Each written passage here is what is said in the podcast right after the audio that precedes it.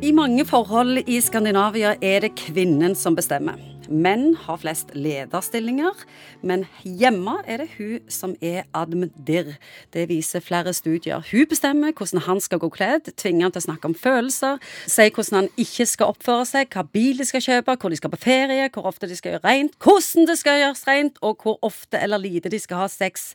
Sånn er det altfor ofte, psykolog Egon Hagen. Og hvorfor er det sånn? Jeg tror kanskje at det har noe med at hvordan det har vært før. Altså Menn har sprengt grenser, vært på utearenaen, lagt under seg nytt land, kriget, stått på.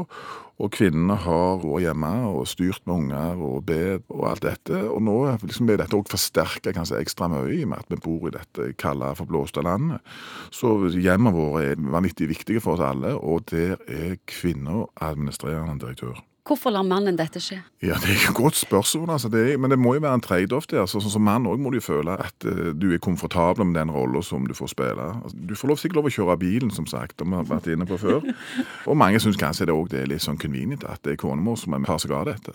På tull mange ganger når jeg har snakket med ledere, så har jeg spurt dem vet du hva farge dere har på flisene. Og da ser jeg at det er mange som ser forskjemt ned i gulvet og er faktisk ikke helt sikre på fargen på det.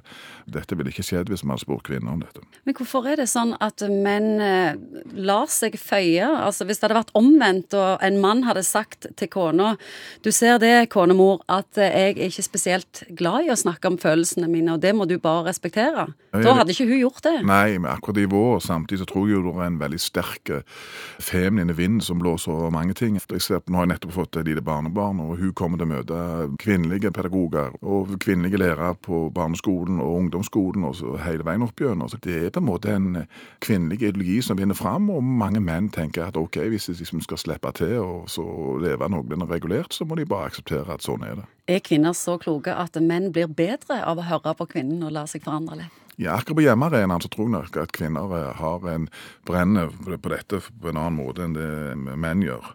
Men er menn i ferd med å miste rollen sin?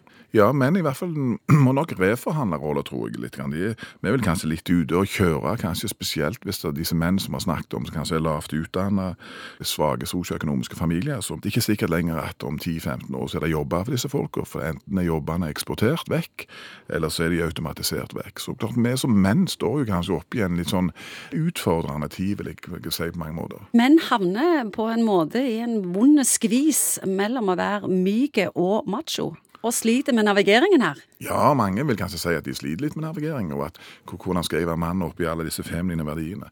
Det er ei brytningstid, og jeg er optimistisk og tror at vi kommer til å finne ut av dette. Men hvordan skal en da være mann når det er så masse myke verdier rundt? Finn arenaer som du føler at du kan være mann innenfor, uten at det blir noe outrert, at du sitter i jungelen eller i skogen og slår på tam-tam-trommer, og det blir bare tull.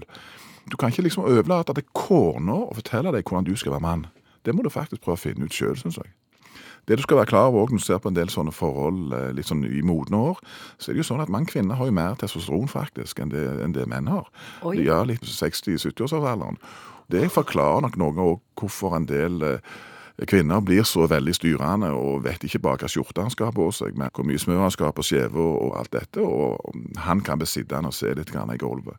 Det er rent sånn biologiske ting òg som er med å styre noe av dette, tror jeg. Hvordan konkluderer vi? Kvinner skal fortsette å være sterke. Jeg tror ikke at det skal være sånn at uh, menn skal få kvinnen til å bli svakere og gå tilbake til 1950-tallet. Jeg jeg har ingen tro på det.